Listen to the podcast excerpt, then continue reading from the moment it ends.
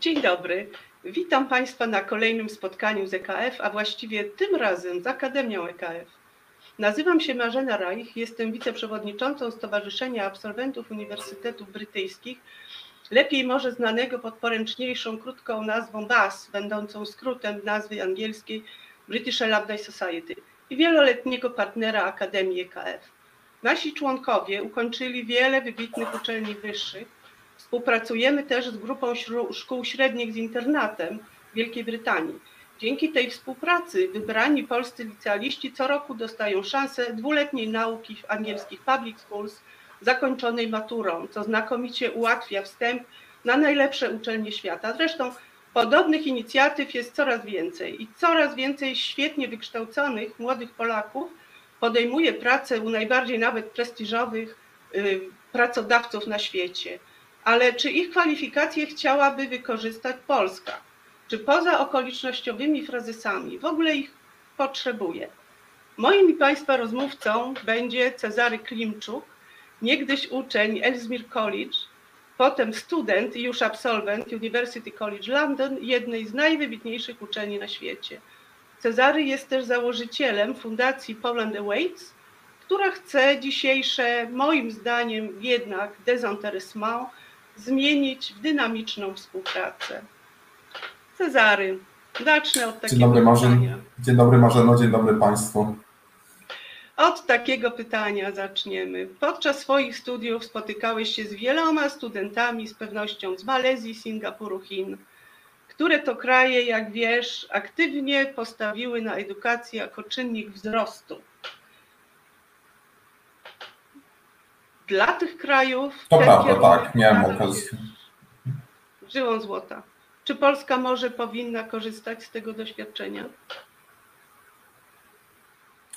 E, myślę, że o, o Spiście myślę, że już zaczynamy powoli odczuwać korzyści podobne do tych już e, przez Ciebie wspomnianych. Widzimy jako absolwenci, widzimy jak absolwenci zagranicznych uniwersytetów bardzo aktywnie działają na polu instytucjonalnym. Zakładają e, organizacje pożytku publicznego, które są ukierunkowane na wspieranie utalentowanych młodych ludzi i ich aplikacje na uczelnie międzynarodowe. Również na polu biznesowym mamy okazję obserwować, jak powstają software house'y oferujące rozwiązania oparte o najnowsze technologie, jak na przykład technologia blockchain. Wiadomo mi również o projekcie polskich studentów skupionym na przyspieszonej diagnostyce choroby Parkinsona, opartym na wykorzystaniu sztucznej inteligencji. E, są to projekty, które już w wymierny sposób oddziaływują na polską gospodarkę i zmieniają krajobraz ekonomiczny. E, są to natomiast e, przypadki pojedyncze jednak. Każdego roku, by naświetlić troszkę bardziej temat, za granicę wyjeżdża studiować około 5 do 10 tysięcy polskich studentów. Biorąc pod lupę wspomniane już wcześniej Chiny, w 2011 roku na zagraniczną uczelnię wyjechało 340 tysięcy e, młodych ludzi, a w tym samym roku z zagranicy wróciło 180 tysięcy. Czyli ten współczynnik powrotu, jeżeli weźmiemy sobie, porównamy jedno do drugiego, wynosi około 50%. Połowa z tego, co wyjechała, wróciła. Pięć lat później, już w roku 2016, e, na studia za granicę wyjechało 540 tysięcy studentów, a wróciło już 430 tysięcy. I ten współczynnik w ciągu pięciu lat wzrósł z około 50% już prawie do 80%. Więc podkreśla to tylko fakt, że Chiny, władze chińskie zaczynają rozumieć tą e, wartość zagranicznych studentów i jak oni oddziaływują na gospodarkę. E, mówiąc o takich krajach jak na przykład Singapur czy Malezja, e, widzimy, że te kraje mają e, wzmożoną wymianę gospodarczą z takimi gospodarkami jak Stany Zjednoczone czy na przykład Wielka Brytania. Głównym katalizatorem tej wymiany gospodarczej i wymiany technologicznej są właśnie absolwenci zagranicznych uczelni, którzy wrócili do swojej ojczyzny. Najwyraźniej kraje te uważają, że te zagraniczne wykształcenie daje coś, czego nie zapewniają u siebie. No ale my bardzo się szczycimy mhm. naszymi szkołami, naszymi absolwentami, świetnymi wynikami naszych informatyków, naszych matematyków. Czy rzeczywiście kształcenie zagraniczne dostarcza jakieś wartości dodatkowe?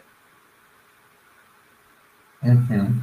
Chciałbym przede, przede wszystkim jeszcze kończąc wątek Singapuru i Malezji zwrócić uwagę na fakt, że e, te kraje nie zdecydowały się na wysyłanie e, swoich studentów dopiero e, kiedy były na wysokim stopniu zaawansowania, tylko wtedy, kiedy Singapur odzyskał niepodległość w 1965 roku, już od samego początku, kiedy Singapur był jeszcze de facto biedną e, rybacką wioską, już od samego początku zdecydowali się kłaść ogromne nakłady na programy stypendialne i wysyłać studentów za granicę. I to właśnie dzięki tym absolwentom, dzięki temu kapitałowi ludzkiemu Singapur mógł się rozwinąć do dzisiejszego poziomu. Wracając do e, pytania mm, e, różnic pomiędzy, pomiędzy systemami edukacyjnymi, no i oczywiście faktu, że odnosimy ogromne sukcesy. E, rok temu były, była organizowana, były organizowane akademickie Mistrzostwa Świata w programowaniu zespołowym. I w tych Mistrzostwach Świata reprezentacja Uniwersytetu Warszawskiego zajęła naprawdę fenomenalne czwarte miejsce, co jest fantastycznym wynikiem, bo, bo przed nimi znaleźli się tylko tak renomowane uczelnie jak Uniwersytet Moskiewski, Tokijski czy znane na całym świecie MIT. Fantastyczny wynik. Podobnie się sprawy mają z Międzynarodową e, Olimpiadą Matematyczną gdzie reprezentacja Polski na przestrzeni ostatnich dwóch lat, lat regularnie mm, plasuje się w pierwszej dziesiątce i nawet na podium, jeżeli e, patrzeć tylko na Europę, bo w pierwszej dziesiątce na świecie. E, na innych polach e, odnosimy również bardzo, bardzo imponujące sukcesy, co podkreśla tylko ogromną bazę talentu, jaką my dysponujemy jako Polska. I teraz, jeżeli zaczniemy się zastanawiać, e, analizować e, te osoby, które odnoszą aż e, te, takie wielkie sukcesy, czy to w programowaniu, czy to w matematyce, zaczniemy zauważać, że w dużej mierze duża część z tych osób była poddana indywidualnemu tokowi nauczania, czyli takiej indywidualnej ścieżce edukacji. Właśnie takie podejście pozwoliło im na poświęcenie dużej ilości czasu na tą tytaniczną pracę, która zapewniła im E, tak ogromne sukcesy. W polskim systemie edukacji Niestety jest to spory odchył od e, standardowego e, nauczania, na który pozwolić mogą sobie tylko wybitni uczniowie osiągający bardzo dobre wyniki w nauce. I teraz dla kontrastu, jeżeli przeanalizujemy sobie system edukacji licealnej brytyjski, czyli A-Levels, jest to system, który bardzo mocno skupia się na kształceniu indywidualnym, który bardzo stawia na proaktywność i kreatywność uczniów. Ten zakres przedmiotowy on jest dużo węższy od tego polskiego ogólnokształcącego, natomiast pozwala to y, głębiej, y, y, bardziej zagłębić się w dane przedmioty i wyspecjalizować się w danej dziedzinie. Dalej na etapie uniwersyteckim już, na uczelniach brytyjskich, już od pierwszego roku uniwersytety bardzo mocno kładą nacisk na eksplorowanie przedmiotu, który się studiuje i na prowadzenie swoich własnych badań naukowych. Owocem tego jest e, na przykład w moim wypadku e, to, że końco, e, kończąc studia na kierunku ekonomii, moje umiejętności i moja specjalizacja może się na przykład bardzo różnić od tych samych osób, którzy ukończyły dokładnie ten sam kierunek i z tego samego uniwersytetu. Myślę, że taka różnorodność perspektyw, taka różnorodność umiejętności, którą niosą ze sobą absolwenci właśnie zagranicznych szkół, byłaby czymś bardzo atrakcyjnym dla, e, dla polskich pracodawców. I uważam, że pielęgnowanie tej e, różnorodności będzie dla nas zadaniem priorytetowym dla polskiej gospodarki na następne kilka lat. No właśnie. Mówisz o tym, że jest to zagadnienie priorytetowe. A może jednak nie jest? Może ważniejsze jest wysoki dopływ inwestycji, y, inwestycje strukturalne, może y, inwestycje w kapitał ludzki to jest coś, co spokojnie może jeszcze czekać. Mhm. Znajdujemy się obecnie w okresie, kiedy jest w Europie i na świecie panuje recesja. Mamy obecnie bardzo głęboki kryzys gospodarczy. I tego typu projekty infrastrukturalne i inwestycje są bardzo ważnym motorem napędowym przy wychodzeniu z kryzysu. Uważam, że absolutnie nie, nie wolno ich lekceważyć. Historycznie patrząc, New Deal prezydenta Roosevelta, plan Marshalla, czy nawet na naszym rodzimym rynku inwestycje przed Euro 2012, które było już po kryzysie, tak. tuż po kryzysie finansowym, bardzo pozytywnie wspomogły gospodarkę i zniwelowały te e, koszty, przepraszam, zniwelowały te negatywne skutki poprzednich kryzysów. Więc to jest na pewno bardzo ważne. Natomiast Patrząc troszeczkę szerszej perspektywie, na ostatnie 30 lat rozwoju Polski byliśmy absolutnym liderem rozwoju gospodarczego, jeżeli chodzi o nasz region, jak również w perspektywie europejskiej. Nie było drugiego kraju, który by tak fantastycznie się rozwijał. I teraz musimy być ze sobą szczerzy, jeżeli chcemy analizować przyczyny tego rozwoju gospodarczego. Bo bardzo dużym czynnikiem, który wspomógł ten rozwój gospodarczy, były niskie płace w latach 90., które obniżały koszty produkcji i tworzyły nasz eksport bardzo kompetywny. Również niskie nasycenie rynku w porównaniu do y, kapitału ludzkiego, który mieliśmy już w latach 90., bardzo nam e, pomógł, i otwarcie na zagraniczne rynki, czy to po upadku komunizmu w Polsce, czy, to, czy po akcesji do mm, Unii Europejskiej w 2004 roku. E, widząc analizy wielu analityków, jak i analizy Ministerstwa Finansów, e, możemy wyciągnąć wnioski, że te niskie płace, że ten wzrost płac w Polsce przez kolejny rok, on będzie się utrzymywał, jeśli nawet nie przyspieszał, co w pewien pośredni sposób przełoży się na zmniejszenie e, przewagi komparatywnej jeżeli chodzi o nasz eksport i wytwarzane przez nas e, pro, pro, produkty. Uważam, że aby podtrzymać obecny trend, potrzeba jest głęboka transformacja gospodarki na gospodarkę wytwarzającą e, produkty e, wysokiej technologii, bardzo złożone, które o bardzo dużej złożoności, które będzie można sprzedawać za granicę. Obecnie żyjemy w świecie y, blockchaina, nauczania maszynowego, sztucznej inteligencji i zielonych rozwiązań, które wydają się być trendami na kolejne, mm, na kolejne dekady. Są to rozwiązania, które już są implementowane za granicą. I to nie, nie, nie kto inny jak właśnie polscy studenci są jedną właśnie z motorem napędowym tej rewolucji, która się dla nas dzieje. Pozyskiwanie tych studentów do Polski, żeby e, implementowali te rozwiązania tutaj, zapewniali wzrost polskiej gospodarki. Myślę, że będzie czymś, co zapewni nam długotrwały wzrost gospodarczy, utrzymanie tego tempa i miejmy nadzieję rozwój podobny do tego, jak widzieliśmy w Singapurze czy Malezji. Ale czy polscy pracodawcy w ogóle są zainteresowani tak naprawdę, poza okolicznościowymi frazesami, a czy polscy studenci są zainteresowani też naprawdę? Jak to jest naprawdę, Cezary? Mhm.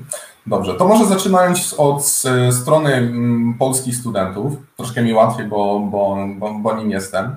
Przede wszystkim należy zdać sobie sprawę, że e, w kwestii polskich studentów, tutaj e, nas e, w Wielkiej Brytanii, kwestią priorytet, absolutnie priorytetową jest rozwój i nauka nowych umiejętności. To jest taka pierwsza rzecz, na, na której my się skupiamy, kończąc uczenie i myśląc o naszych początkowych latach kariery.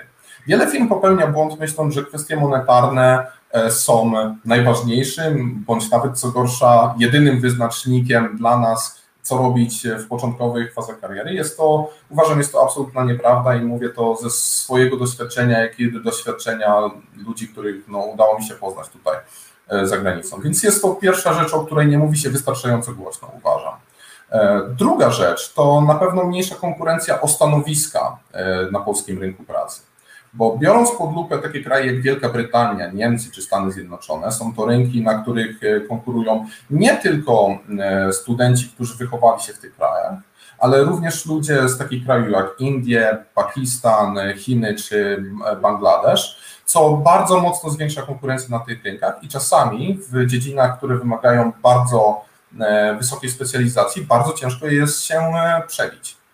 Polski rynek natomiast nie cieszy się aż tak dużym e, powodzeniem, e, e, nie, nie cieszy się aż tak dużym zainteresowaniem społeczności międzynarodowej, co automatycznie sprawia, że ten polski rynek on jest dużo bardziej atrakcyjny dla polskich, studen polskich studentów za granicą. Do tego dochodzi na pewno duża satysfakcja z implementowania innowacyjnych rozwiązań na swoim rodzinnym rynku. To jest coś naprawdę świetnego.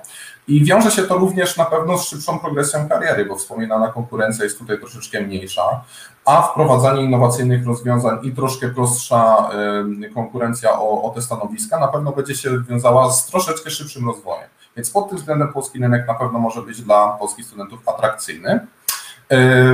I teraz, że tak powiem, wspomniałem o tych czynnikach monetarnych. To też jest bardzo ważną kwestią, którą chciałbym poruszyć, bo te czynniki monetarne, one mm, w niektórych sektorach, zwłaszcza widzimy to w sektorach technologicznych typu IT, programistyka, machine learning, te różnice pomiędzy stawkami oferowanymi na w krajach takich jak Niemcy, Francja czy Wielka Brytania, oferowanych przez polskich pracodawców, te różnice powoli się niwelują i one powoli znikają. Więc w przeciągu kolejnych lat będziemy obserwowali ten trend, że ten czynnik monetarny on będzie malał, tak jego znaczenie będzie malało, a ważniejszą będą inne ważniejsze kwestie dla, dla polskich studentów.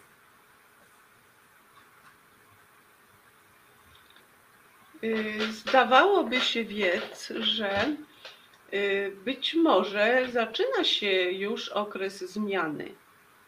Y, wobec niejasnej sytuacji Wielkiej Brytanii po Brexicie, zarówno atrakcyjne miejsce do studiowania, jak i szczególnie pożądane miejsce podejmowania pracy, no, zdaje się, że przestanie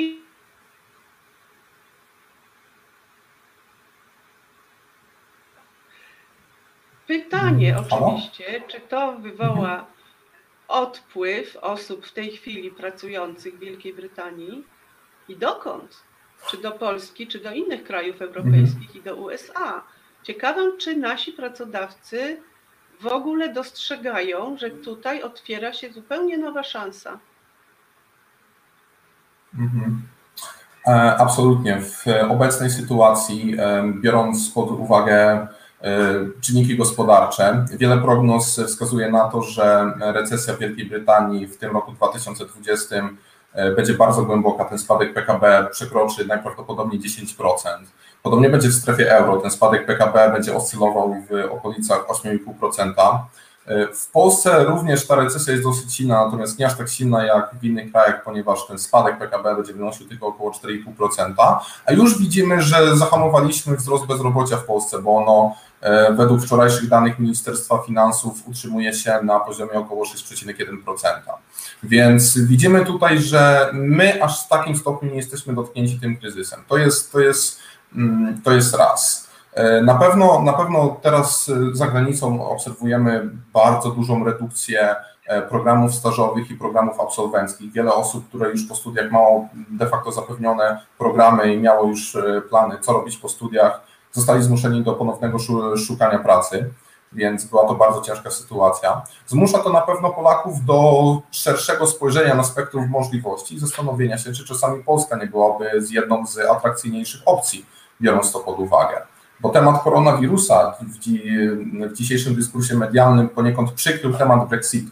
On wciąż jest obecny, dlatego że z Wielkiej Brytanii, tak jak wspomniałaś, bardzo dużo osób e, odpływa i powstaje pytanie, czy odpłyną oni do Polski, czy odpłyną do innych e, krajów typu Niemcy i, czy, czy Stany Zjednoczone.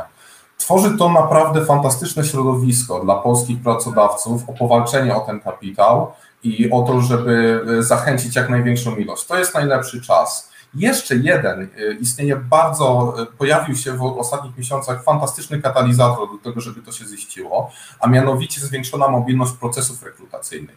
Ze względu na pandemię koronawirusa wiele procesów zostało właśnie przerzuconych online i te procesy rekrutacyjne, one już są y, prowadzone w 100% internetowo. Biorąc to pod uwagę, taki student kończący studia za granicą, zastanawiający się, gdzie chciałby kontynuować swoją karierę, dla nas najważniejsze jest, dla nas najważniejsze są kwestie zawodowe. Jeżeli będziemy mieli dostęp do właśnie procesów rekrutacyjnych tutaj w Polsce, nie będziemy musieli specjalnie przyjeżdżać, tylko wziąć w nich udział i faktycznie się sprawdzić, czy, czy ta dana firma to jest to, co chciałbym robić w życiu, to to będzie na, pe na pewno fantastyczna okazja dla, dla, dla polskich firm. Pytałaś się również o to, czy e, polskie firmy chcą polskich studentów. Miałem okazję rozmawiać z, wielu, z wieloma pracodawcami, którzy e, zatrudniają e, polskich studentów tutaj zagranicznych, przepraszam, polskich studentów z zagranicznych uczelni w Polsce i bardzo sobie, bardzo sobie chwalą pewną różnorodność perspektyw, bardzo szerokie horyzonty i doświadczenie na zagranicznych rynkach, jakie polskie, jaką polscy studenci przynoszą, przynoszą ze sobą E, do tych firm. Więc ci, którzy zatrudniają już i ci, którzy mają styczność z polskimi studentami, są e, za, za granicą, są bardzo z tego zadowoleni. Są niestety, istnieje pewien krzywdzący stereotyp również w innych firmach. Głównie to są stereotypy, myślę, które są mocno zakorzenione w zespołach HR dużych e, firm, którzy, które poniekąd wskazują na to, że nie ma właściwie po co z nami rozmawiać. Że my nie jesteśmy właściwie w ogóle zainteresowani powrotem do Polski, ponieważ tak. mm, w jakiś sposób Polska nie wydaje nam się atrakcyjna, nie chcemy rozmawiać. Jest, myślę, że jest to stereotyp bardzo krzywdzący, który z jednej strony dotyka nas, a z drugiej strony na pewno bardzo negatywnie wpływa na to, na rozwój tych, tych polskich firm, którzy faktycznie mogłyby e, skorzystać z naszej pomocy. No jednym z takich stereotypów, które pewnie ciążą na tych wzajemnych relacjach, jest, że Polacy nie będą chcieli wracać do Polski, jeśli się uczyli za granicą, bo Polska jawi się im jako kraj w sumie zacofany i zamknięty w porównaniu z otwartymi i progresywnymi y, krajami zachodnimi. A także, że jakby sam mhm. komfort życia z definicji w Polsce zapewne jest niższy, każdy woli mieć w życiu raczej łatwiej niż raczej trudniej, więc pewnie ci, co już wyjechali, to są dla nas straceni. Jak ty się do tego byś odniósł, hmm. mając swoje doświadczenia? Ja do Wielkiej Brytanii wyjechałem w roku 2015, obecnie mamy 2020, spędziłem w tym kraju 5 e, lat.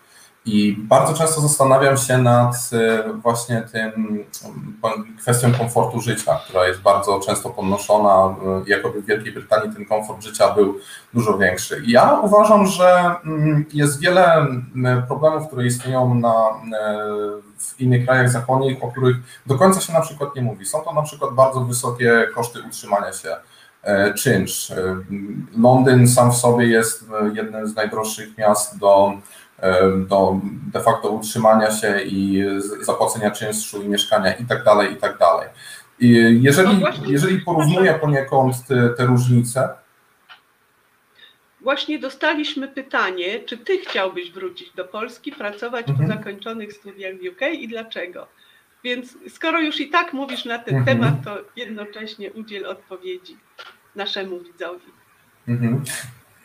Jasne. E, jeżeli chodzi o e, moje moją konkretną sytuację e, na tę chwilę, ja skończyłem studia na University College London Economy, natomiast bardzo mocno specjalizuję się w data science i machine learningu. Niestety obecnie na, na polskim rynku jest bardzo wąska oferta, jeżeli chodzi o tego typu o, o, tego typu sektor, gdzie można implementować różnego rodzaju rozwiązania właśnie opartą o sztuczną inteligencję. Ten rynek jest zdecydowanie dużo, dużo szerszy w Wielkiej Brytanii. E, co ciekawe, ten rynek w ogóle w Polsce nie istniał jeszcze parę lat temu, a na chwilę obecną już e, wiem o istnieniu kilku startupów, które bardzo mocno się tym zajmują. Także na chwilę obecną jak widzę swoją przyszłość, to najprawdopodobniej zdobycie tutaj doświadczenia w Wielkiej Brytanii na tym szerokim rynku, gdzie mam jednak troszkę więcej możliwości, ale biorąc pod uwagę bardzo dynamiczny rozwój polskie, polskiego sektora programistycznego i tego, w jaki sposób machine learning jest implementowany w Polsce, myślę, że jest bardzo prawdopodobne, że już za kilka lat będę bardzo poważnie rozważał powrót do Polski. I w tym momencie E, chciałam Cię zapytać, być może także odpowiadając e, pani, która e, pytała Cię o Twoje plany, że jesteś również założycielem Fundacji Poland Awaits. To prawda. Która właśnie ma zaadresować ten problem tego niedopasowania się poszukujących pracodawców, poszukujących mm -hmm. absolwentów. Czy zechciałbyś coś o tym opowiedzieć? Jakie nadzieje wiążesz z tą fundacją? Absolutnie. Na obecną chwilę, jeżeli chodzi o ten tak zwany mismatch pomiędzy tym, co oferuje polski rynek, a umiejętnościami oferowanych przez polskich studentów za granicą. E, kiedy pojawia się ta kwestia, ja tutaj widzę na pewno dwie płaszczyzny problemu. Pierwszą płaszczyzną jest ta luka informacyjna pomiędzy tym, e, co oferują polskie firmy, a tym, że tak powiem, czego szukają polscy studenci. Bo jeżeli weźmiemy pod uwagę studentów studiujących na polskich uczelniach, organizowane są różnego rodzaju targi, e, warsztaty, e, wystawy, na których ci polscy studenci tutaj w Polsce mogą zdefiniować, jak ta przyszłość ich będzie wyglądać. Niestety z powodu, z powodu dużego dystansu i z powodu tego, z pobudek również finansowych, że dużo to kosztuje reklamować się tutaj, tego nie, po prostu tej informacji tak jakby my nie pozyskujemy. Nie ma też również platformy internetowej, za pomocą której moglibyśmy, moglibyśmy eksplorować różne, różne opcje rozwoju naszej kariery w Polsce. Na chwilę obecną coś takiego niestety nie, nie istnieje. Jako Fundacja Poland the Ways, co byśmy chcieli stworzyć, to bardzo szeroka platforma, która brałaby pod swoje skrzydła e, bardzo szeroki rynek pracy. Kiedy jak o tym mówię, to mam na myśli bardzo różne, bardzo dużą dywersyfikację sektorów, przez e, od bankowości i consulting, aż po healthcare i, i, i robotykę, czyli bardzo, bardzo szeroką gamę tutaj możliwości zawodowych. E, z drugiej strony chcielibyśmy również stworzyć po prostu bardzo szerokie spektrum od bardzo małych firm, startupów, małych i średnich przedsiębiorstw, aż po duże korporacje, czyli stworzenie takiej platformy ukierunkowanej bardzo mocno na studenta, na jego chęć rozwoju i na jego, na jego pragnienia tutaj rozwijania swoich e, zainteresowań. Bo jeżeli pomyślimy o kapitale ludzkim tutaj za, e, za granicą, naszym polskim, jeżeli wyobrazimy sobie, że to jest tort, to ja głęboko wierzę, że na chwilę obecną naszym priorytetem jest zadbanie o to, żeby ten tort był jak największy czyli przekonanie jak największej ilości studentów, że Polska jest e, rynkiem, który może nam coś zaoferować i na którym my możemy wrócić i faktycznie się tutaj spełniać. Dopiero potem możemy e, jako małe firmy czy jakieś instytucje dbać o to, żeby zagospodarować jak największy kawałek tego tortu. Bo jeżeli istnieją platformy, które przy których, po, po, których student może stwierdzić i po których student widzi, że taka platforma jest realizowana tylko i wyłącznie, żeby realizować interesy bardzo wąskiej grupy firm i instytucji, to niestety taka platforma w dłuższej perspektywie niestety nie ma, nie ma większych szans pozyskania szacunku i zbudowania szerokiego brandu, bo nie będzie po prostu przez studentów traktowana poważnie nie, bez względu na ilość razy, kiedy ta ręka będzie do polskich studentów wyciągnięta. Także tutaj ten, ten całe skupienie musi być zbudowane wokół studentów i tego, co zaoferować, a dopiero potem będziemy widzieli te, ten ogromny pozytywny wpływ, jak mam nadzieję, że polscy studenci tutaj e, w Polsce uczynią. Ale tymczasem wpłynęło kolejne pytanie mhm. od pani chyba nieusatysfakcjonowanej Twoją odpowiedzią jeszcze, mhm. która pisze, nie chcecie po prostu wracać do kraju, bo nie ma w nim tych perspektyw, których oczekujecie. Mhm. To jest, powiedziałabym, sąd no, często spotykany. I co mhm. byś odpowiedział? Na pewno to bardzo zależy od sektorów. Mhm. mhm. Na pewno to bardzo zależy od sektoru, w którym e, dana osoba chciałaby się specjalizować bo mamy wielu znajomych, którzy bardzo zainteresowani są e, na przykład e, ryzykiem kredytowym, e, którzy specjalizują się na przykład w kwestiach konsultingowych, bankowości itd. Tak itd. Tak polski rynek jest już obecnie, ten, ten polski rynek już obecnie się rozwinął, aby w pewnym sensie oferować już ciekawe miejsca pracy. Podobnie jeżeli chodzi o startupy z sektora healthcare czy robotyki, również takie duże postępy na tym polu są czynione.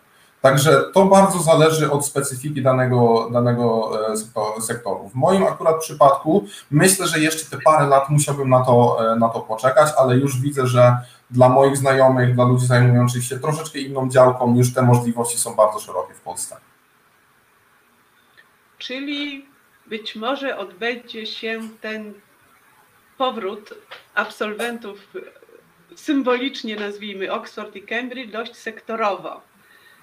Firmy konsultingowe już zatrudniają takich tak. bardzo wielu, również banki, przed nami pewnie IT, a jak mhm. startupy i polska przedsiębiorczość, czy ona nie ma lepszych warunków do rozwoju w Europie Zachodniej, czy Polska może tu coś zaoferować?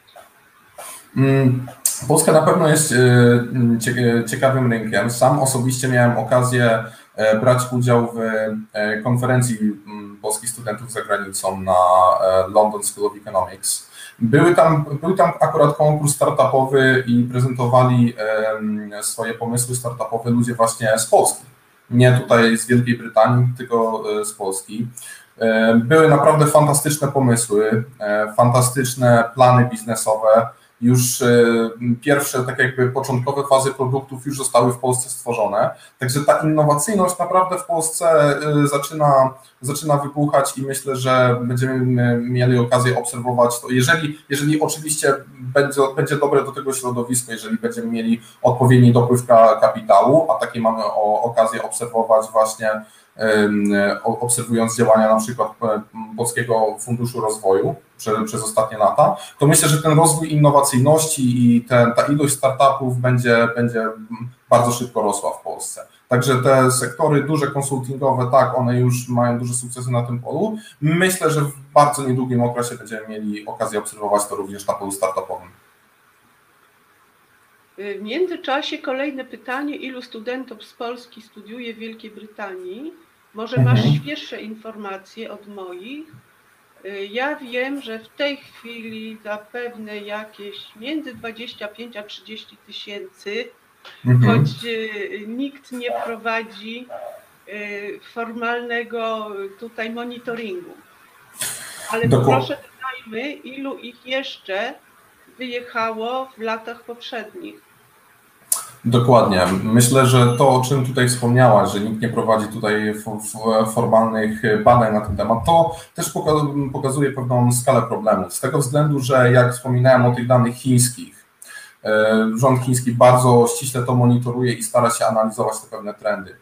Tutaj, jeżeli chodzi o faktyczną ilość studentów za granicą, czy to w Danii, bo również w Danii mamy dużo studentów, również w Szwecji, E, bardzo ciężko o dostęp do jakichś liczb czy statystyk, żeby faktycznie bardzo, bardzo blisko to monitorować. Uważam, że tutaj jest e, tutaj właśnie jest sedno problemu, bo my nawet nie skupiamy się na tym, my nawet nie widzimy tego jako mm, potencjalnego pola do, do, do poprawy.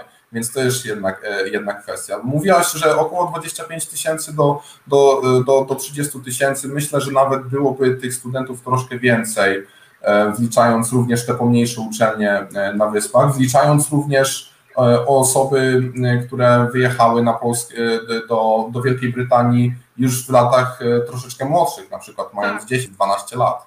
Tak, więc, tak, tak. więc na pewno ta rzesza jest ogromna i to są ogromne ilości pokłady kapitału ludzkiego, które miały doświadczenie na zagranicznych rynkach, mają troszeczkę inne spojrzenie na to, jak się robi biznes i mogą naprawdę w ogromnym stopniu pomóc polskim pracodawcom. I tu padło kolejne pytanie, jakby z odwrotnej mhm. strony. Dlaczego nie chcesz zostać w UK i tam pracujesz, tylko myślisz o powrocie do Polski? Czym jest sedno problemu, który próbujecie rozwiązać jako fundacja? Ja mam też swoje zdanie o tym, ale ciekawa mhm. jestem bardzo Twojej opinii. Myślę, że wiele osób studiujących tutaj jest e, bardzo emocjonalnie związanych z Polską. Tutaj jest nasza rodzina, tutaj jest e, nasz dom. Myślę, że też jako Polacy mamy poniekąd taką ambicję, żeby pokazać światu, że my faktycznie możemy grać e, w pierwszej lidze pod względem, pod względem rozwoju gospodarczego i i tego, co jako gospodarka pro, produkujemy. Na pewno wielu, wie, wielu Polaków jest e, bardzo pozytywnie nastawionych na to, aby nasze, naszą gospodarkę zmodernizować i aby był to kraj, który faktycznie można już określić jako jednego z najzamożniejszych w Europie. Więc to są te dwie kwestie. Duża chęć powrotu i taka, myślę, że u wielu osób siedzi taka wewnętrzna ambicja pokazania, że my jako e, Polska jesteśmy w stanie gospodarczo dogonić e, kraje e, zachodniej Europy. Jeżeli chodzi o sam pobyt Wielkiej Brytanii, to też jest bardzo kwestia indywidualna. Znam ludzi, którzy no, zakochali się tutaj w kulturze brytyjskiej i prawdopodobnie będą chcieli zostać całe życie. To jest oczywiście ich wybór, tutaj nie ma dobrej czy złej decyzji, tak po prostu jest, to jest kwestia bardzo indywidualna. Natomiast rozmawiając z dużą grupą studentów, i pytając się ich odczucia, tutaj zdecydowanie istnieje ten sentyment na powrót prędzej czy później właśnie do Polski. E, nam jako fundacji zależy właśnie na tym, żeby to się wydało, e, stało prędzej niż później. No więc moim zdaniem tu chodzi o pewien, i też odpowiem tym samym na to pytanie. Jest jeszcze taki problem bardzo rzadko kiedy w Polsce dostrzegany, że dla zdolnych i ambitnych ludzi podjęcie pracy w UK szybko trafia na kurs kolizyjny z ogromną konkurencją i ambicjami i możliwościami, po prostu obywatelami tego kraju. Y, Ja obserwuję ten problem od lat 30, czyli od kiedy zaczęłam się interesować edukacją międzynarodową. Bardzo zdolni młodzi Polacy wyjeżdżają do UK, podejmują tam pracę, nawet w ambitnych dość firmach, ale po dość krótkim czasie zatrzymują się w rozwoju profesjonalnym, nie przejdą dalej, bo zaczynają odgrywać rolę koneksje rodzinne, networking znajomych i, i te kwestie. Ci sami ludzie, bardzo zdolni, przy, korzystając właśnie z ukierunkowanego networkingu w Polsce, mogliby bez porównania dalej zajść. I sądzę, że to jest jednak problem, którego istnienia zdają sobie sprawę dopiero ci, co tam dłużej pomieszkali, postudiowali, popracowali. Zgodzisz się? Mhm. Absolutnie. Na, na wielu polach mamy okazję obserwować, że ten rozwój jest w początkowych stadiach kariery bardzo dynamiczny. W późniejszych fazach, tak jak już wspomniałaś, liczy się bardzo networking. Już nawet w takich bardzo specjalistycznych i bardzo konkurencyjnych sektorach, na przykład jak bankowość inwestycyjna. E, To jest ciekawe, bo ten networking już ma znaczenie na bardzo początkowych szczeblach kariery. Więc ten problem, o którym mówisz, on jest jeszcze silniejszy właśnie na wyższych szczeblach i, tam, i fakt tego, że my jako Polacy jesteśmy bardzo wyspecjalizowani, natomiast wyjeżdżając tam na studia i będąc tam może 3, 4, 5 lat, nie, jest, nie mamy aż tak rozwiniętej siatki networkingowej, sprawia, że powrót do Polski może okazać się bardzo, bardzo atrakcyjną, atrakcyjną opcją, dlatego właśnie, że dalszy progres kariery, zajmowanie troszeczkę wyższych stanowisk mogło być tutaj właśnie łatwiejsze z tego, z, z, właśnie z tego powodu, o którym wspomniałaś. Dziękuję. Myślę, że zbliżamy się powoli do końca naszej rozmowy. Mhm. Chciałabym Cię tylko poprosić, co jako prezes Fundacji Poland Awaits chciałbyś powiedzieć polskim pracodawcom? Mhm. E, Aby dokonała się to przemiana polskiej gospodarki i e, aby, abyśmy faktycznie byli w stanie zagospodarować ten ogromny potencjał, te ogromne pokłady kapitału ludzkiego, które znajdują się poza granicami naszego kraju, potrzeba, wykona, e, potrzeba wykonać ten pierwszy krok. Trzeba e, zacząć działać, zrobić ten pierwszy krok, a żeby wykonać pierwszy krok, e, potrzeba mieć w sobie dużo odwagi. I cytując y, nasz, naszego rodaka Jana Pawła II, chciałbym zaapelować tutaj do polskich pracodawców, nie lękajcie się. Jesteśmy grupą naprawdę bardzo ambitnych ludzi, którym, którym naprawdę Polska leży na sercu, którym zależy, jak nasza gospodarka będzie wyglądała za 5, 10, 15 lat. Chcielibyśmy y, podzielić się naszymi doświadczeniami i umiejętnościami, które zdobyliśmy tutaj za granicą i chciałem, żeby to było dla benefitu i Polski, i polskich pracodawców i żebyśmy my również tutaj mogli realizować swoje pasje. Dziękuję Ci bardzo, Cezary. Być może będziesz miał nadzieję kontynuować tę rozmowę w październiku podczas y, spotkania Akademii EKF w Sopocie. Dziękuję także Państwu Absolutnie. za udział w kolejnym kwadransie z EKF, który tym razem zajmował się sprawą, czy Polska potrzebuje absolwentów Oxford i Cambridge. Po zakończeniu transmisji nasze spotkanie będzie dostępne na stronach Europejskiego Kongresu Finansowego i na stronach serwisu Forsal. Jeżeli pojawią się kolejne pytania, przekażemy je Cezaremu Klimczukowi, aby pisemnie odpowiedział. I jeszcze pozostaje mi zapowiedzieć następny kwadrans z EKF. Już jutro o godzinie 14 rozmawiać będą profesor Robert Gwiazdowski i Tomasz Chrusty, prezes Urzędu Ochrony Konkurencji i Konsumentów. Jeszcze raz Państwu bardzo dziękuję. Do zobaczenia. Dziękuję, do widzenia.